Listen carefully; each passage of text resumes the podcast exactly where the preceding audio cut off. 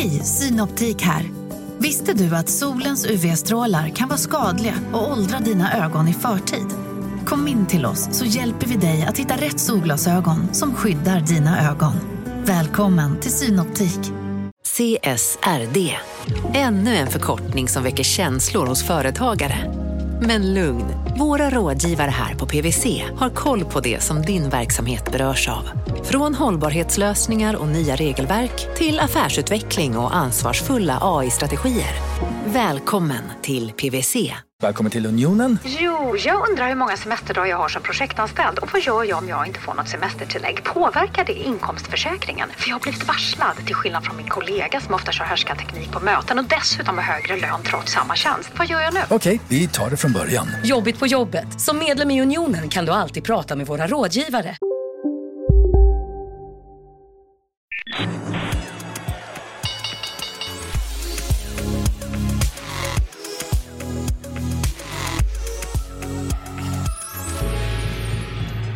Hej och hjärtligt välkomna till podden Affärsvärlden Magasin. Jag heter Madeleine Lundberg och är analytiker och reporter på Affärsvärlden. Och idag har vi en riktigt spännande podd framför oss. Världens börser står i Zenit och därför är ämnet för dagens avsnitt blankning. Med mig i studion har jag en expert i ämnet, nämligen Mikael Syding. Välkommen! Hej, tack för att jag fick komma. Och ja, jag har blankat en del. Mm. Vem är du, för de som inte vet? Det relevanta i det här sammanhanget är kanske att jag var förvaltare på en hedgefond som heter Futuris som låg inom Brummer och Partners och det var jag mellan år 2000 och eh, 2015.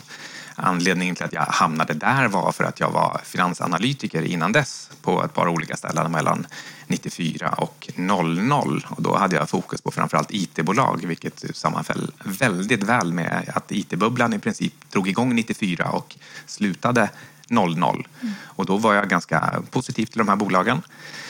Och sen när jag blev negativ till de bolagen så råkade jag få chansen att börja på då den här hedgefonden där vi bland annat gjorde vårt namn genom att blanka just IT-bolag precis från toppen av den absoluta IT-håsen ner till eh, den eh, liksom, djupaste botten när, eh, när det hade pyst klart. Vi kommer säkert återkomma till det, men bara för att alla lyssnare ska ha koll så tänker jag att vi går igenom vad egentligen en blankning är.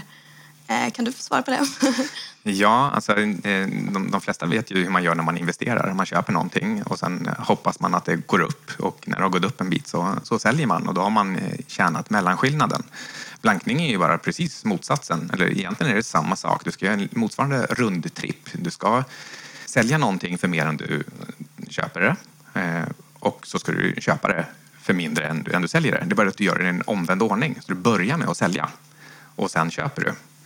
Och det som gör det kanske lite eh, komplicerat eller, eller får folk att liksom tycka att det är lite svårt att, att ta till sig, det är just det här, ja, men hur kan man sälja först när man inte har någonting? Ja, men då, det är också väldigt liksom, enkelt och intuitivt. Om du ska sälja någonting som, som du faktiskt inte har, ja, då, då måste du låna det av någon först. Och, ehm, ett, ett, ett sätt att titta på det är att tänk dig att alla har väldigt liknande t-shirts. Man har vita t-shirts som man har köpt någonstans. Liksom, de, de ser precis likadana ut. Om jag lånar en vit t-shirt av dig eller du, råkar glömma den hemma hos mig, du kommer aldrig märka någon skillnad när du får tillbaka en likadan vit t-shirt. Men då är det så här, om jag vill blanka en vit t-shirt, då, då lånar jag din vita. Så man, hej, hej Madeleine, kan, kan jag låna din t-shirt lite grann? Ja visst, säger du. Varsågod. Eh, ja, men du kan få en kexchoklad för besväret. Och sen går jag och säljer den där på marknaden. Jag säljer den för 100 kronor. Sen några veckor senare så säger du, du den där t-shirten, skulle jag kunna få tillbaka den? Eh, och då hade jag eh, som sån tur att jag hade redan tänkt ut att det kommer komma ut väldigt många nya t-shirts på marknaden så, så, så, priset kommer behöva sänkas. Så jag sticker ner till marknaden och mycket riktigt, priset har sjunkit till 90 kronor. Jag köper tillbaka den här t-shirten för 90 kronor och sen lämnar jag den till dig. Du har inte märkt någon som helst skillnad. Du är minst lika glad som om du hade hållit den hela tiden, eller hur? Du, du som hade en t-shirt och nu har du den igen. Och du har dessutom en kexchoklad. Eh, och jag, ja, jag har blivit av med en kexchoklad, men jag tjänade också 10 kronor emellan. Så det finns liksom ingenting ondskefullt, ingenting märkligt eller svårt. Du fick betalt för, för liksom en, en tjänst. Du skulle ändå ha haft kvar den där t-shirten. Du tänkte inte sälja den för 100 och sluta ha vita t-shirts. Mm. Um, och, och jag har inte gjort någonting mer än bidragit lite grann med en, en prissignal till hela marknaden. Att genom att jag gjorde det jag gjorde eh, så, så, så, syns det lite grann i priserna när jag, när jag sålde t-shirten att vänta nu, det, det kommer något utbud här i, i t-shirt som inte vi var riktigt beredda på. Varför det? Um, kan det vara en signal om någonting? Och då börjar andra titta, titta runt och då inser alla andra att aha, men okej, priset på t-shirts pressades lite grann för att det finns information där ute om att det snart kommer komma ut massa nya på marknaden. Det är exakt samma sak i, i aktier. Mm. Um, man ska bara göra analysen av att eh, snart av någon anledning så kommer det komma ett, ett, ett ökat utbud av den här aktien. Mm. Ehm, sen hur man gör den analysen, det är liksom väldigt individuellt från, från eh, situation till situation och eh, det kan bero på att man vet att det är bedrägeri i en aktie eller man kan veta att det, marknaden helt enkelt inte har förstått hur svaga resultaten kommer bli snart. Mm. Eh, ja. Vi kommer nog återkomma till det och liksom varför man blankar. Men du sa själv här nu att det är liksom inget ondskefullt i, i det här men ändå liksom har narrativet blivit ganska negativt kring just korta positioner och blankningar. Nu senast kanske med GameStop-fenomenet mm. där liksom investerare blev på något sätt kränkta kan man väl säga av blankare, eller?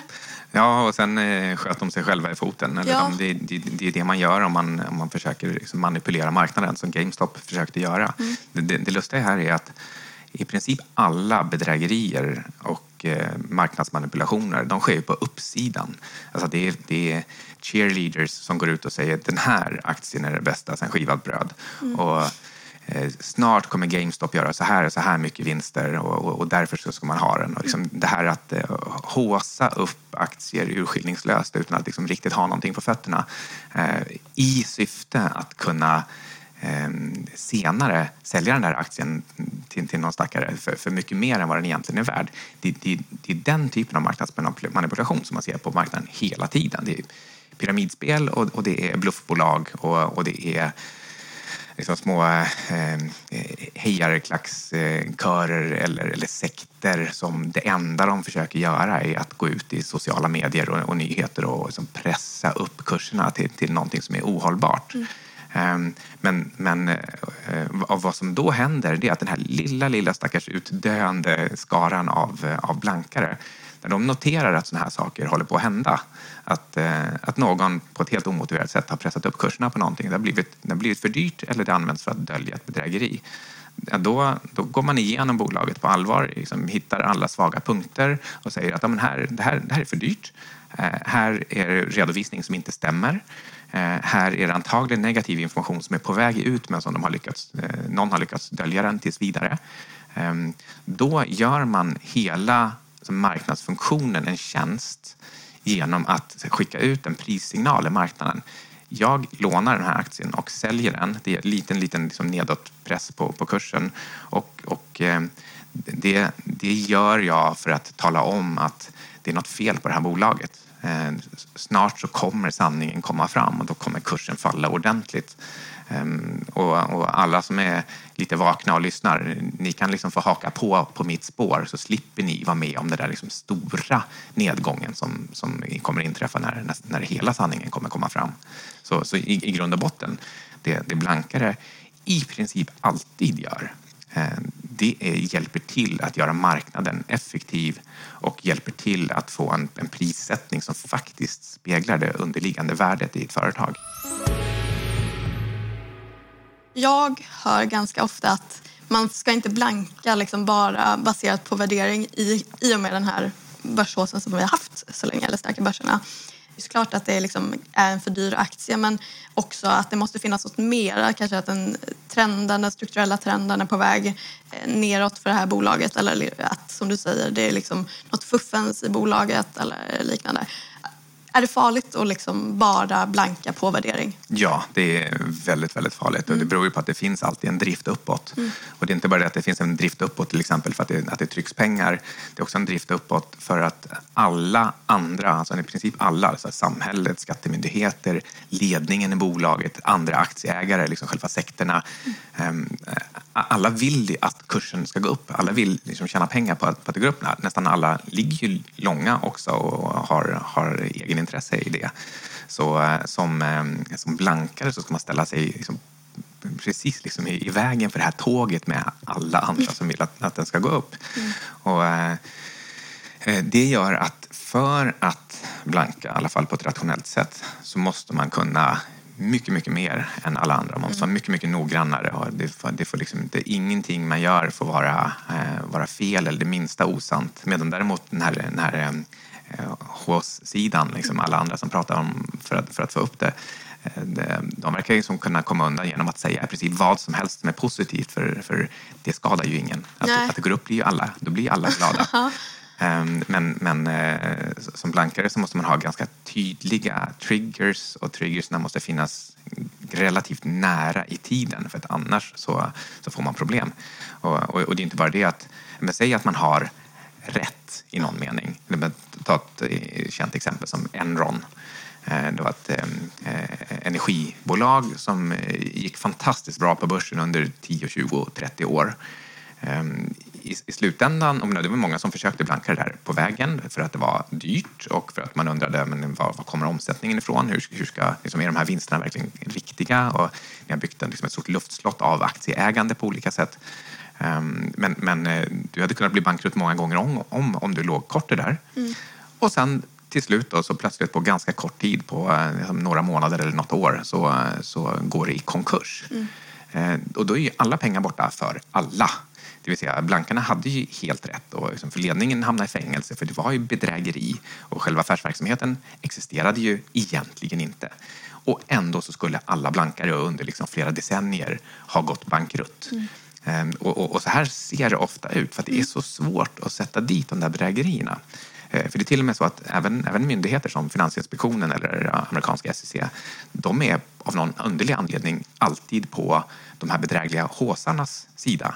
Så, så ofta så är det så att när, när någon eh, eh, blankare eller misstänksam går ut och, och berättar, till exempel för, för SEC, att här ser det, står det inte rätt till. Titta på de här siffrorna.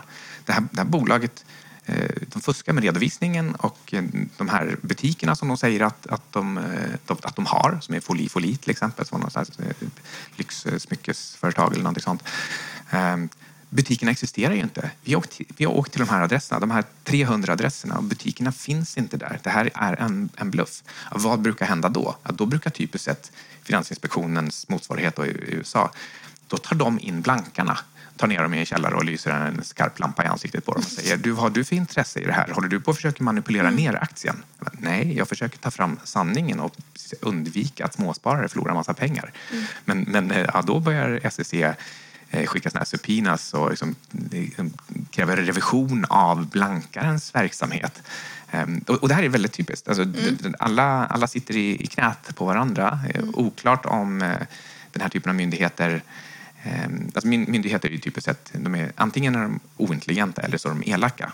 Och man måste alltid liksom fråga sig liksom, vilken av de här liksom, äh, ehm, kategorierna av dum är de? Eh, och, eh, ja, ibland så sitter de väl, liksom, de, de har väl fått eh, någon typ av eh, smörjning från eh, alltså lobbyverksamhet från, från långsidan. Men oftast så är de nog bara helt enkelt eh, oinsatta. De förstår inte. Om man pratar med eh, hedgefonder, eh, nu bara i Stockholm då, så är det ofta att de säger att de har korta positioner men de vill inte berätta om vilka det är. Är det en sån rädsla de har då, eller vad tror du? I Sverige tror jag inte att det är Nej. så. I- Det finns ingen från FI som eh, tar ner någon och som Jag trodde det. lyser en lampa i ansiktet på dem i, i som ett kaltrum. Men eh, i- eh, många andra delar av världen där finns en tradition av att man eh, först gör man analysen riktigt ordentligt och sen tar man sin kortposition och sen berättar man väldigt, väldigt tydligt och högljutt om liksom hur den fungerar, vad det är som är fel. Ja. För man vill ju skapa sin egen trigger. Det är inte bara altruistisk verksamhet Mm. utan man ska ju tjäna pengar på det också. Och, och, ehm, jag tror att eh, i USA där är man lite mer påhejande på alla som lyckas med någonting. Visst, även där uppenbarligen i GameStop så, så har man ju liksom sett att en, en- del vill bara att det ska gå dåligt för andra också. Men, men eh, i Sverige har vi ännu mycket mer av jantelag och av att det på något sätt jag vet inte, det har bara bitit sig fast här att, att det är dåligt att tjäna pengar på, på att sälja aktier. Och ändå så, så ska alla som har köpt en aktie någon gång ska ju sen också sälja den och använda pengarna så att alla köper och säljer. Och en blankare gör det bara i den andra ordningen. Det är dessutom så att blankare är aktieägarnas absolut bästa vän på, på två sätt. Dels så vet man att de är där ute och försöker leta fram dålig information hela tiden vilket gör att äh, det blir ett bättre funktionssätt på marknaden. Men det betyder ju också att om någon har blankat en aktie som det faktiskt inte är något fel på då ligger det ett tvingande latent köptryck. Blankaren måste ju köpa tillbaka aktierna mm. förr eller senare. Och ju bättre det går för bolaget och aktien, desto mer ökar det där köptrycket. De måste ju köpa tillbaka alla sina aktier någon gång. Och, och ju mer aktien går upp, desto, desto mer akut blir det. Mm. Så att, att, ha, att ha eh, en, en stor blankning på sin sida när man är aktieägare, det är det bästa man kan hoppas på. För som sagt, de måste ju täcka sin position och det kommer pressa upp aktien. Marknaden sponsras av SPP, pensionsbolaget. Eh, förra gången pratade vi lite om ITP. Och som en kort repetition så, så var det ju 70-tal, arbetsmarknadens parter bestämde att alla tjänstemän ska ha en tjänstepension. Man kom överens om vilka villkor som ska gälla i den här pensionen och så kallade man den för ITP. Så jobbar man idag som tjänsteman i ett företag med kollektivavtal, då har man förmodligen den här pensionen, ITP-pensionen. Eh, och det är ju så att man kan påverka eh, den här pensionen, hur den är placerad. Vart femte år så gör nämligen Collectum, som de heter, en enorm upphandling där olika pensionsbolag kan ansöka om att få förvalta eh, de här pensionerna. Och SPP är ett av bolagen som valdes ut i den senaste upphandlingen. Och sen kan du som pensionssparare välja vilket av de här olika pensionsbolagen som, som då ska få ta hand om dina pengar. Och tanken med den här upphandlingen det är ju att liksom kvalitetssäkra de här olika alternativen eh, men också att förhandla fram stora rabatter så att pensionsspararna ska få ja, kunna spara pengar genom att avgifterna eh, som är så viktiga eh, blir eh, lägre. Och vill man välja någonting i ITP-systemet då finns det en relativt ny sajt som heter avtalat.se. Ehm, där kan man gå in och se hur sin ITP-pension är placerad. Jag gjorde det häromdagen faktiskt. Ehm, idén är att hälften av pengarna alltid ligger i något som kallas för traditionell försäkring. Det här gjorde vi ett avsnitt om i podden Kapitalet nyligen eh, som vi kallade världens bästa sparform. kan man lyssna på om man är intresserad. Eh, den andra halvan eh, den kan man också lägga i en traditionell försäkring eller så kan man placera det i något som kallas för fondförsäkring. Eh, SPP som sagt eh, var ju ett av de fåtal bolagen som valdes ut i den senaste upphandlingen och de finns med som alternativ både med en traditionell försäkring och med eh, fonder. Så det var en liten bakgrund till ITP-systemet. Vill man läsa mer om det här eller typ kolla hur ITP-pensionen är placerad, eh, kanske göra förändringar, då går man in på avtalat.se Eh, men tack säger jag till SPP som vill göra oss människor mer medvetna om hur enormt viktig pensionen är för oss som en framtida lön, men också som en positiv kraft i samhället eh, och förstås för att ni möjliggör eh, den här podden Marknaden. Du lyssnar på Affärsvärlden Magasin med Helene Rådstein.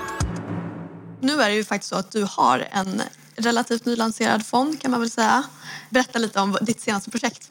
Eh, ja, och då är det ju då inte mitt projekt, även om jag får vara med. Det är en hedgefond som heter Antilop och den är startad av eh, Anna Svan som egentligen då framför allt eh, är intresserad av mjuka råvaror och, och, även guld.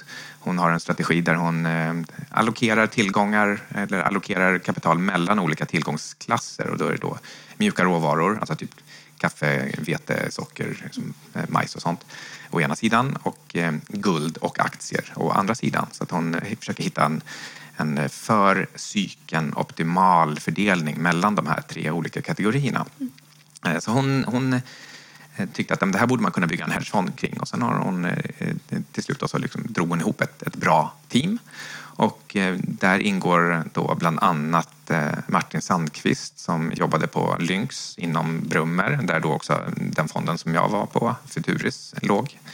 Eh, och han, han, och jag jobbade där egentligen precis samtidigt, cirka 2000 till, till 2015. Så, så, vi sprang på varandra i korridorerna. Mm. Men eh, egentligen inte så mycket mer än så. Mm. Och sen eh, eh, har jag haft lite kontakt med honom. Jag har intervjuat honom några gånger i mina poddar också för att jag tycker att han tänker väldigt, eh, väldigt, väldigt bra mm. kring eh, makro bland annat. Eh, men, men Anna tyckte att han skulle ju vara ett perfekt tillskott i den här, i den här fonden. Han har systematiska modeller, alltså där han eh, använder machine learning för att ta reda på eh, olika mönster i marknaden. Eh, så, så i, i slutändan så betyder det här då att Antiloop består bland annat av Annas tillgångsallokeringsstrategi, mm. Martins de här datorstyrda modellfonderna och sen min egen som är en ren diskretionär fundamentalt baserad long short aktier-strategi. Mm. Och, ehm, det som är så fantastiskt med det här är att det är tre helt olika sätt att angripa marknaden på. Alla är tre vad man kallar då för okorrelerade alfaströmmar. Varje, varje liten del kan skapa en, en avkastning som är relativt oberoende av om aktiemarknaden går upp eller ner. Och det är dessutom så fint ordnat att de här tre de gör det på helt olika sätt så att de är oberoende av varandra dessutom. Mm. Och när man slår ihop det här då blir det statistiskt någonting, någonting väldigt, väldigt vackert på, mm. på finansmarknaden mm. som, som kan lova hög avkastning till eh, ovanligt låg risk. Och det är då hela själva idén bakom Antilop. Att bygga en, en sån här multistrategifond från botten och uppåt med de saker, alltså de olika typer av fonder som, som verkligen skulle ge ett, ett tillskott eh, ur ett eh, riskavkastningsperspektiv till, till, till, varandra. Snarare än att man, än att man eh, utgår från att man redan har liksom bara liksom en slumpmässigt vald korg av, av intressanta i och för sig strategier och så slår man ihop alla bara för att det ska bli enkelt att klumpa ihop dem till kunden. Här är det istället då verkligen byggt att ingen strategi tas in i fonden om den inte rent statistiskt kommer bidra. Så det, det är skillnaden. Alla, mm. alla här är handplockade för att passa ihop inte att de bara råkade vara bra var för sig. Din lilla låda då, lång kort. Mm. Kan du berätta lite om hur du tänker själv kring det? Mm, den består då, alltså själva, själva, själva tesen är att de, de stora enkla förändringarna som man kan se på marknaden sett över ungefär ett år mm. det är att eh, en bransch går bättre eller sämre än en annan bransch. Så vad jag i princip gör det är att jag kan eh, till exempel köpa detaljhandelsföretag för att jag tror att eh, shoppingen och konsumtionen kommer ta fart och gå bättre än till exempel verkstad eller bank Eh, det, är egentligen det är ett ganska enkelt rotationstänk. Alltså på marknaden så kommer hela tiden pengar skvalpar fram och tillbaka mellan olika, olika saker, till exempel olika branscher. Och det, det beror på att andra stora förvaltare de, eh, de är tvungna att vara långa hela tiden. Alla pengar måste vara investerade hela tiden. De är indexkramare så att de ska i princip ligga viktade som index. Men de ska göra små, små variationer i viktningen. Så att ibland ska de vara lite längre retail och ibland ska de vara lite kortare bank till exempel. Och, och lite senare, kanske nästa år, så ska de vara tvärtom. Mm. Och, och, och, det är hela deras eh, existensberättigande. Mitt existensberättigande det är då att försöka förekomma det här lite grann och mm. göra lite annorlunda eller ligga lite i otakt. Um, då kan man liksom skämtsamt säga att eh, antingen kan man försöka ligga ett litet steg före mm. eller så kan man ligga ett litet steg efter för mm. det ger ju samma utfall. Ja, okay. och, och, och li, lite lättare. det är ju förstås samma sak egentligen men, men jag noterar vad de gör för någonting nu och tänker att ja, men då, om ett tag så kommer de göra tvärtom mm. igen. Och det är inte riktigt så enkelt för saker och ting går ju liksom i cirklar och det, är inte bara, det finns inte bara två eller tre branscher utan Nej. det finns rätt, rätt många. Ehm, men, men idén här det är att jag ska försöka identifiera vilka branscher kommer gå lite bättre än vilka andra branscher. Och sen uttrycka det här genom att eh, investera i eh, några långa aktiepositioner i det jag tror, den branschen jag tror ska gå lite bättre och sen så korta aktiepositioner i de branscher som jag tror ska gå lite sämre. Vilka branscher tror du kommer gå lite bättre just nu då? jag, jag, jag, tror till exempel att eh, sån eh, lite mer high-end retail eh, kommer gå bättre. Mm. Eh, det kan liksom vara Dicks Sporting Goods eller, eller Foot Locker till exempel. Även en sån sak som eh, Walgreens. Eh, alltså det, det handlar om både... För du är ganska USA-fokuserad kan man säga. Ja, det, och anledningen är att vi, vi bygger Antiloop för att den ska vara förberedd för att kunna bli väldigt, väldigt stor. Och det innebär att eh, alla positioner ska vara likvida, alltså extremt likvida från, från början så att inte fonden behöver ändra stil om den nu skulle bli mycket större. Utan eh, det, det ska vara riktigt stora bolag och riktigt hög likviditet från, från början till slut. Annars hade det varit ganska enkelt att här från start kanske härma min egen privata investeringsstrategi i svenska småbolag. Eh, och det skulle kunna skapa en, en, en hög avkastning i starten men, men det skulle inte vara skulle inte vara användbart, det skulle vara helt irrelevant om, om fonden sen liksom blir många miljarder. Hur, hur stor är den nu till att börja med? Eh, nej, det finns ingen officiell siffra på det och, och vi är i någon slags uppstartsfas där vi testar systemen och eh, vi håller fortfarande på att prata till exempel med Finansinspektionen om eh, olika typer av eh, regulatoriska ramverk. Mm. Alltså man, kan, man kan till exempel vara en alternativ investeringsfond eller så kan man vara en specialfond utifrån sett så tycker alla att ja, ni, ni är en hedgefond, slutcitat. Ja. men, men det här är lite olika ramverk, man har lite olika frihetsgrader och lite olika möjlighet att ta in eh, och förvalta eh, pengar av, av eh, externa kunder. Men eh, vi är snart i mål med liksom det, våra val av handelssystem och riskkontrollsystem och även de här, då, det här regulatoriska valet mellan AIF och eh, specialfond. Så, så därför är vi inte, alltså verksamheten är inte 100 procent igång.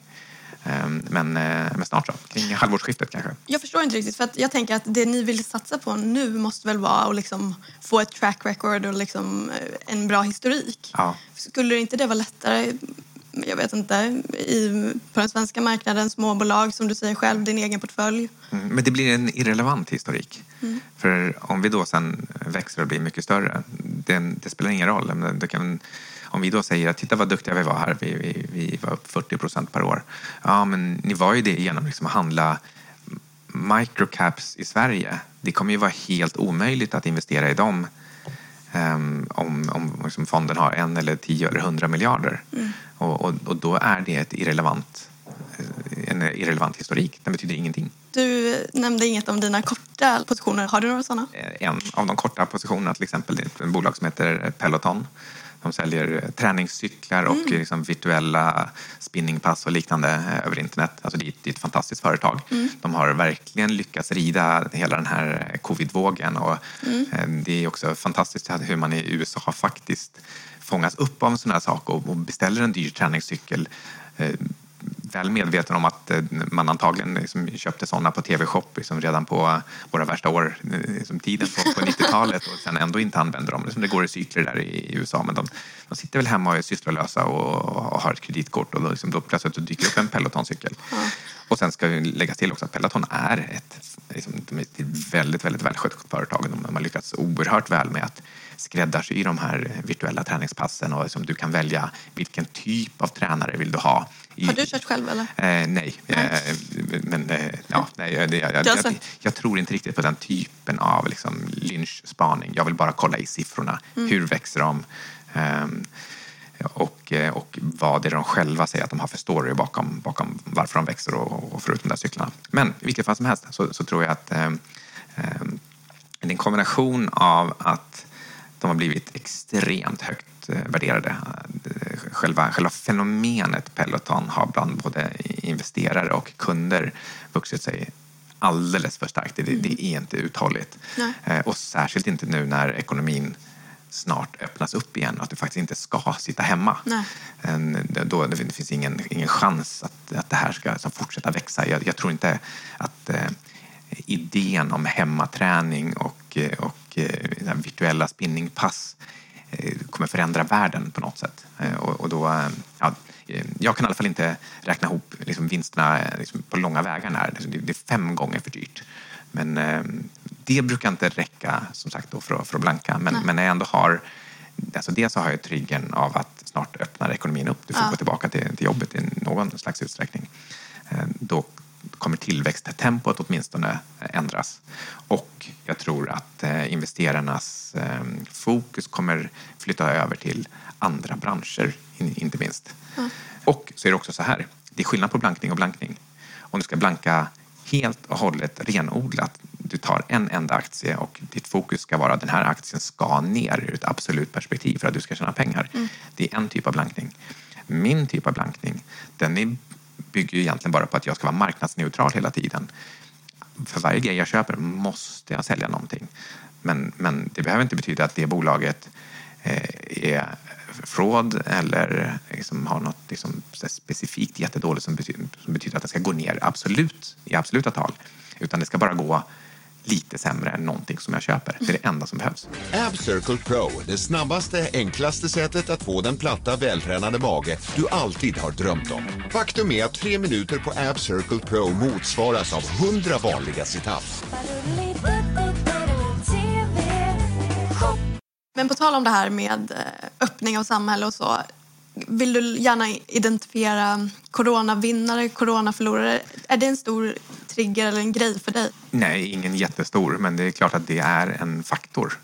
Det är tydligt att vissa bolag har tjänat på eh, nedstängningen och ökad fokus på digitalisering. Och, och då tror jag att en del av de sakerna kommer reverseras, eller åtminstone reverseras relativt sett. Mm. Och, och, vissa saker har antagligen fått en extra skjuts som, som gör att många känner att ja, men det, det är så här jag vill fortsätta leva mitt liv och då, och då kanske de drar med sig fler. Så att liksom vissa vågor kommer, eh, kommer fortsätta. Mm. Eh, men, eh, och, och, det kan inte jag göra några så starka prognoser om. Men jag kan ha liksom, vissa hypoteser i, i, vissa bolag eller branscher och, och sen håller jag bara utkik i, i, efter i deras siffror om, om ett eller två kvartalsrapporter eh, visar en ökad svaghet eller, eller styrka. Alltså jag, jag, det går ju bara på, på siffrorna. Och sen visst, jag har ju någon typ av eh, idé, någon typ av historia eller hypotes runt det hela också som eh, eh alltså vad jag kallar för narrativ. Eh,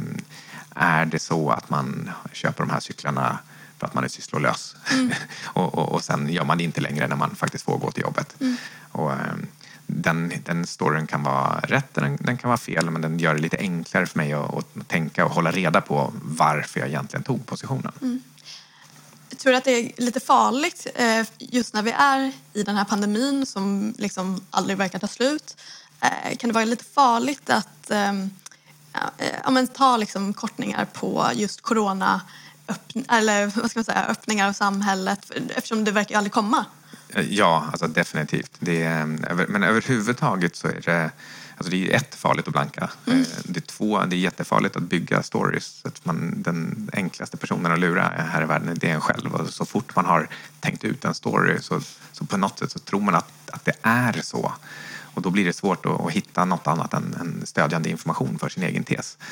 Och, och, och, som du sa, då, liksom, det, det, verkar aldrig ta slut. Nej, och det, det, har varit min tes i princip från start. Alltså redan när den första vågen, in, vi, var inte, vi var inte ens klara med den första vågen, då, då ritade jag ut eh, prognoser över var den andra vågen skulle pika någonstans. Jag hade liksom redan då ritat in den vågen att pika någonstans i januari. Sen blev piken lite högre och lite senare. Men, men liksom redan då var det självklart att det skulle komma fler pikar. Herregud, det är ett virus. Mm. och, och, eh, och nu har vi haft både tredje och fjärde vågor på vissa ställen och det är nya mutationer. Så mm. det, det, det, här tror jag definitivt är någonting vi får leva med. Men jag tror också att eh, alla vill öppna upp ekonomin och då kommer vi öppna upp den på något sätt. Um, och det här att vi får leva med det, ja det är inte konstigare än att vi, vi lever med en massa andra saker som, som svänger runt i, i, i termer av liksom förkylningsvirus mm. och kräksjukor och annat. Det, det, det är inte så himla farligt egentligen. Du nämnde precis här innan att eh, den enklaste personen är att lura sig själv. Och just i blankningar tänker jag att det är ganska lätt. Liksom, att man tycker att man är lite smartare.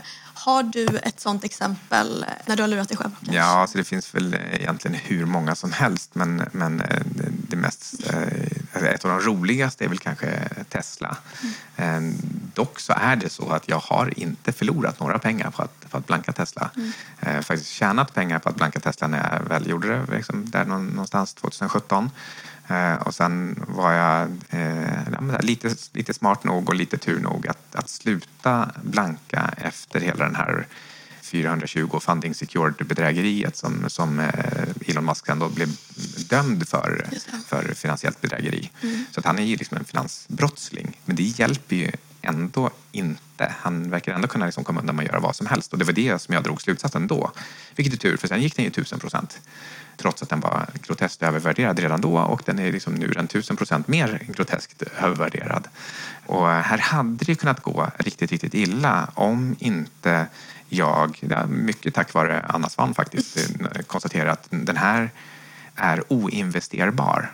Alltså det, mm. det, det, finns en, det finns en våg av fans både bland eh, köpare av bilarna och köpare av aktierna och även myndigheter. Alltså det är många sådana eh, myndighetspersoner som vill liksom sända ut en signal om att de, att de är goda, att de gör någonting bra för miljön. Och då subventionerar de gärna Tesla med liksom många, många miljarder. Lägg fabriken här eh, mot att du lovar att du ska anställa si och så många människor eller göra mm. så här och så här gott för, för miljön på något sätt. Och sen eh, när, när Tesla upprepade gånger inte uppfyller de här målen då, eh, då sätter man inte dit bolaget. För man vill inte vara den som har knäckt Tesla. Utan istället så struntar man i de där kraven och låter bara subventionerna, liksom bara, ja, han fick dem då. Alltså, det var ju bara en miljard dollar, det gör inte så mycket. Eh, ja. och, och när man ser att det finns ett sånt här mönster, alla vill hjälpa Tesla. Mm. Det spelar ingen roll att jag går runt och tycker att titta här, du har hur mycket officiell faktisk information som helst på att de tjänar inga pengar. Eh, de bryter mot massa miljölagar. De har bilar som, som dödar folk. Eh, de säljer en autopilot, har sålt för liksom många miljarder dollar där de, får, där de nu, liksom fem år senare, säger att ah, men okej, den, ja, den funkar ju faktiskt inte. Och då, då har folk betalat för den här och haft den i, i, i, i fem år. Mm roliga är att jag är faktiskt kort Tesla nu och det går bra. Ja, och det beror egentligen mest på att nu fick jag ett litet stöd i att rent tekniskt så är kursen svag. Eh, det signalerar att kanske är den här överdrivna håsen kring, eh, kring Elon Musk som person och Tesla som företag. Så den, den är lite över. Det finns även fler stories också, alltså som, som till exempel Peloton och något som heter Plug Power som, som ser ut att kanske ha toppat ur. Alltså det, den, här, den här värsta galenskapen kring efter mm. quantitative easing och de här liksom häftiga bolagen den, den kan vara över.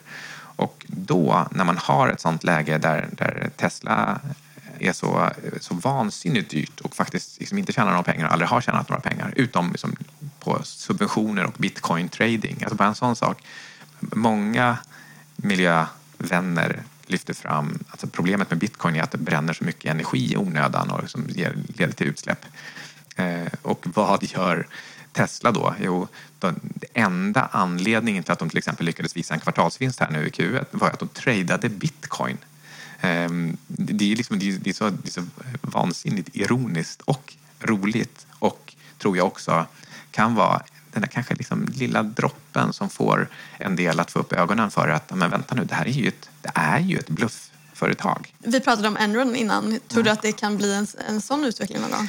Um, det borde kunna bli det. Alltså det, det. det, ser ut som att det finns massor med lagbrott dolda i, i uh, Tesla och de, de uh, lyckas hållas dolda så länge aktien uh, går upp eller, mm. eller håller sig, står kvar väldigt, väldigt högt. Men um, om det skulle få till det här att liksom dominobrickorna börjar falla och kursen går ner, då, då tror jag att det kommer komma fram många arga människor och ehm, eh, väldigt mycket intressant information från, från eh, hur de egentligen har skött redovisningen och vad de egentligen faktiskt har sålt och inte sålt. Mm. Så alltså, jag, jag, tror absolut att det, att det kan bli så.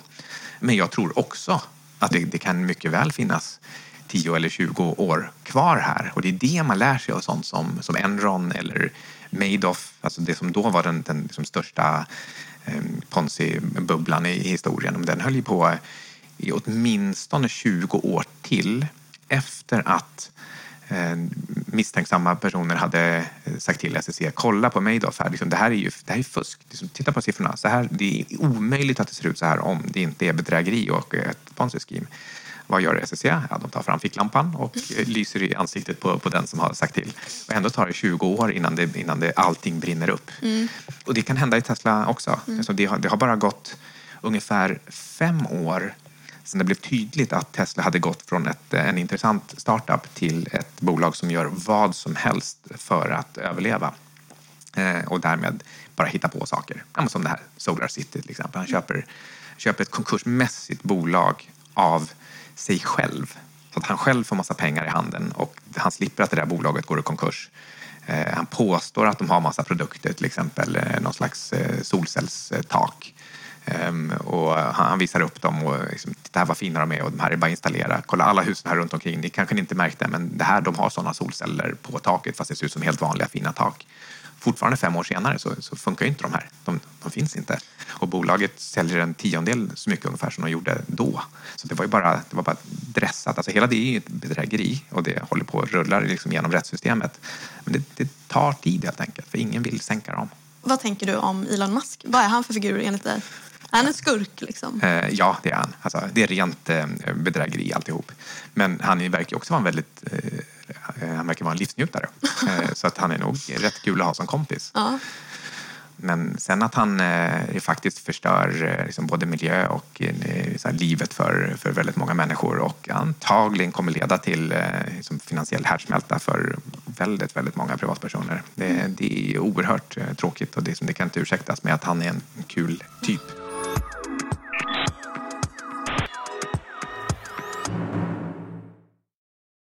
Eh, marknaden sponsras av Karla. Eh, vi pratar ju en hel del om bilar här- på kontoret. Eh, karla har ju skapat, skulle jag säga, det som är standarden för hur man idag köper och säljer bilar på nätet.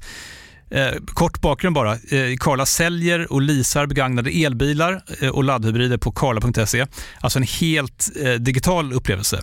Och man har gjort det här med ett nästan maniskt fokus på vad en bilköpare faktiskt behöver.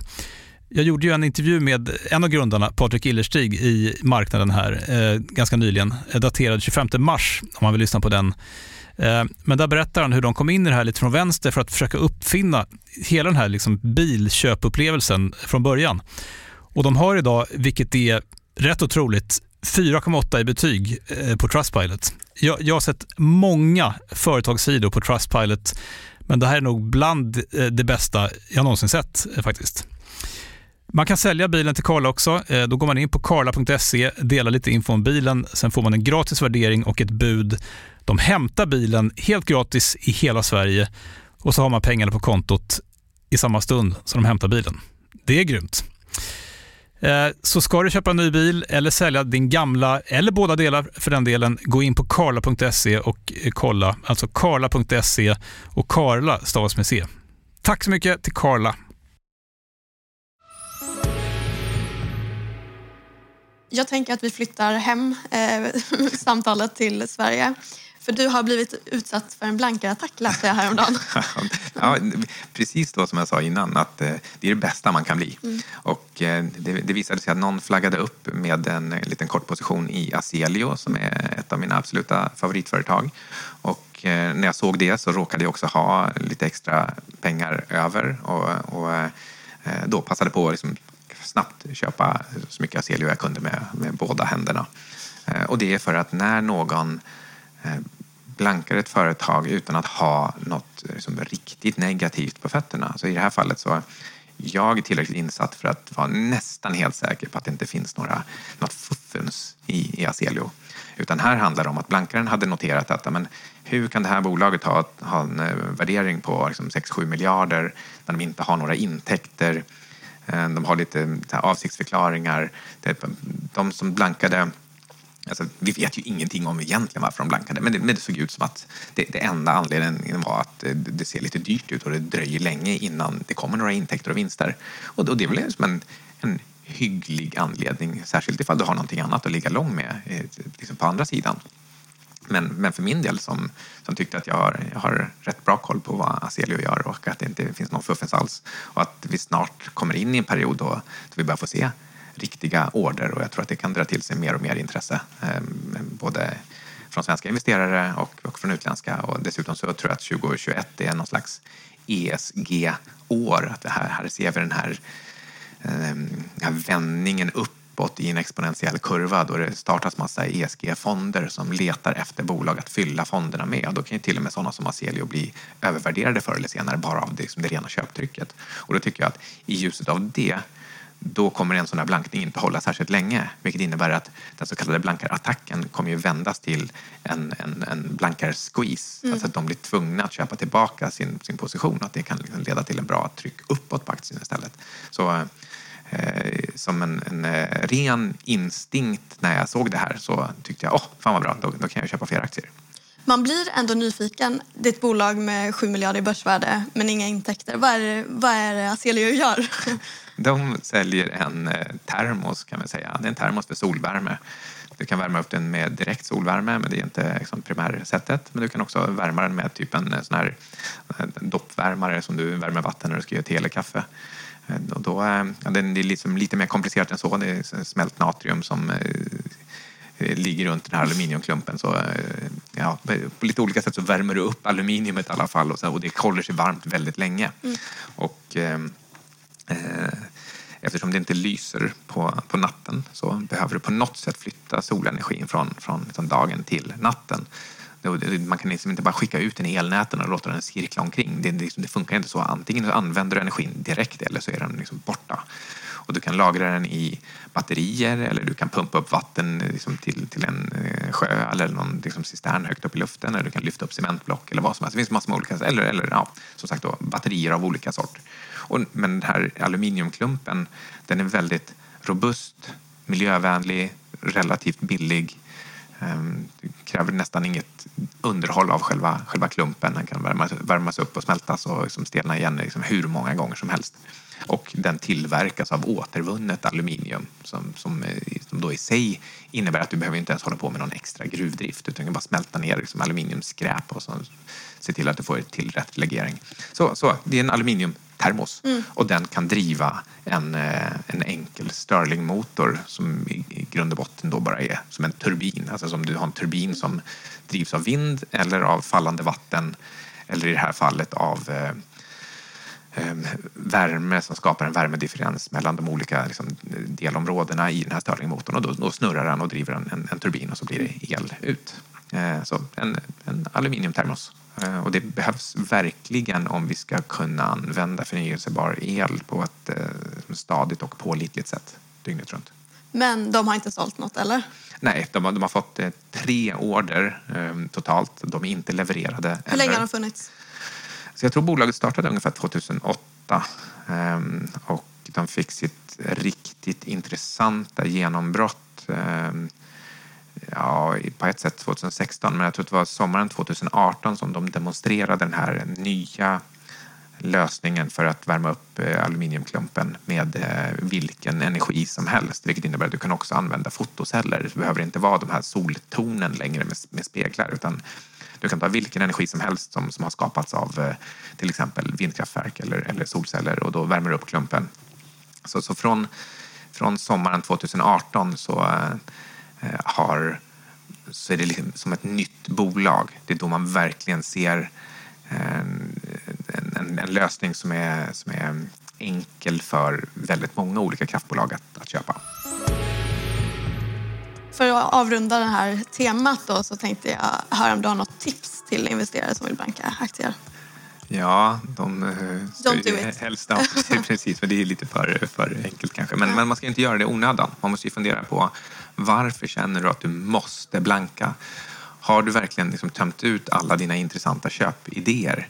Det är ändå där din, din analys bör börja i att du försöker hitta spännande affärsidéer, spännande företag som du på något sätt vill eh, haka på eller vill ge ditt stöd. Alltså om det är, om det är en nyemission då ger du ju faktiskt bolaget ditt stöd om du bara köper sekundära aktier på, på marknaden då ger du inte liksom något, något stöd till bolaget. Det är därför det är lite roligt när folk säger att jag köper Tesla-aktier för att jag vill stödja bolaget. Så ja, men det händer ju ingenting med Tesla för att du, du köper aktierna. Precis som det händer ingenting med Tesla för att jag blankar heller. Mm. Det finns liksom ingen koppling mellan vad som händer med aktiehandeln på sekundärmarknaden och, och själva bolaget.